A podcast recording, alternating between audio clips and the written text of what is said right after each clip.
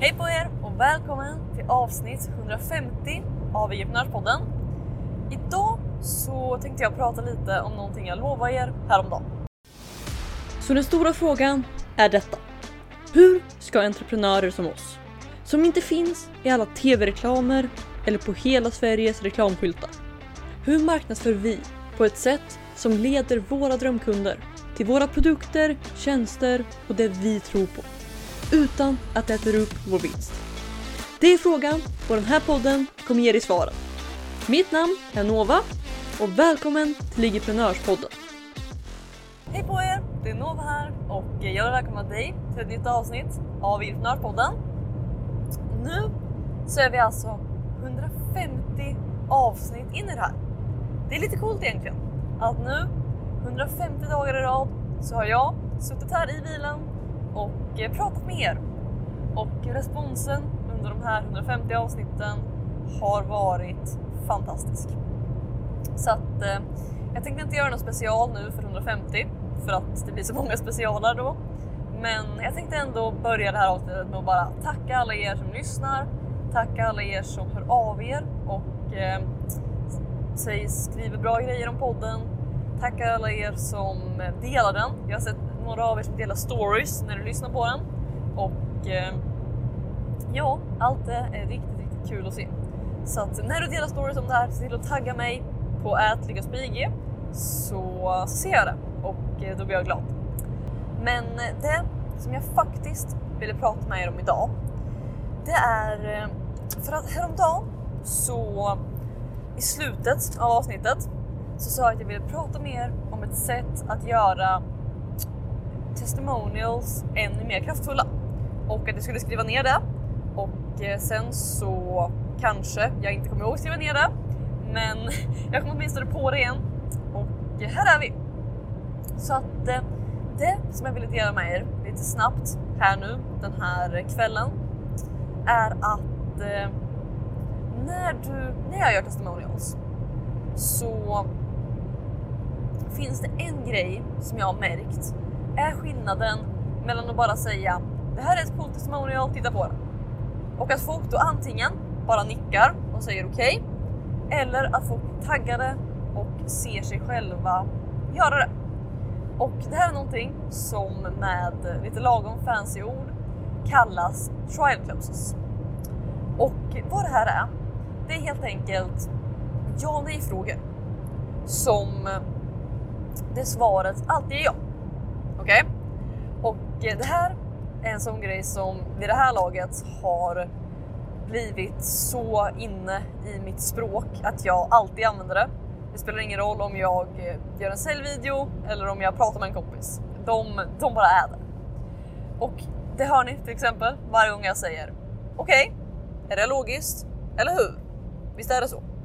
Allt är bara enkla ja nej frågor men det svaret alltid är ja. Och det vi gör med våra testimonials, det är att vi använder precis samma princip.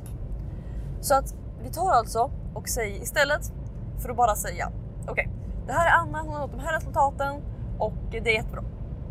Det vi gör då, det är att vi lägger till trial closes efter. Så att vi säger, är inte det fantastiskt? Eh, och i folks huvuden så säger de ja.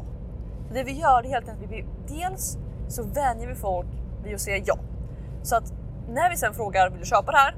Då säger de ja. För att de har redan sagt ja, ja, ja, ja, ja, ja, ja under hela samtalet. Okej? Okay? I sin egna huvud. Och eh, vad vi då gör, det är helt enkelt att vi ställer också frågor, och det här är det viktigaste, som får dem att se sig själva lyckas. Så att det vi säger, det är helt enkelt, kan du se dig själv göra det här som Anna har gjort? Eh, hade det inte varit fantastiskt om du kunde uppnå det? Så att vi helt enkelt, många fokuserar på själva testimonialen och den är såklart viktig. Men det är minst lika viktigt att sen följa upp den med de här trial closesen. Eh, för att det är det som gör skillnaden mellan att få folk att känna att eh, okej, okay, vad coolt att hon kan uppnå det. Istället för det där vill jag också göra. Så att genom att säga sådana här frågor som eh, Tänk om du kunde göra det, hade inte det varit fantastiskt? Skulle du också vilja göra det här? Kan du se dig själv i en annan situation? Har du också gjort det här? Har du också upplevt det här? Bara sådana frågor där svaret alltid är ja, men som får folk att eh, visualisera sin egen framgång. Jag eh, använder också det här i min IG presentation eh, som jag höll några gånger för ett halvår sedan eller något. Och då använder jag samma princip. Men det jag såg alltså då var istället att kan du föreställa dig ditt eget IG-event? Kan du föreställa dig vilka gäster du skulle ha? Och, eh, men grejen är densamma, att hela tiden så vi får människor att visualisera det resultatet vi vill ge dem.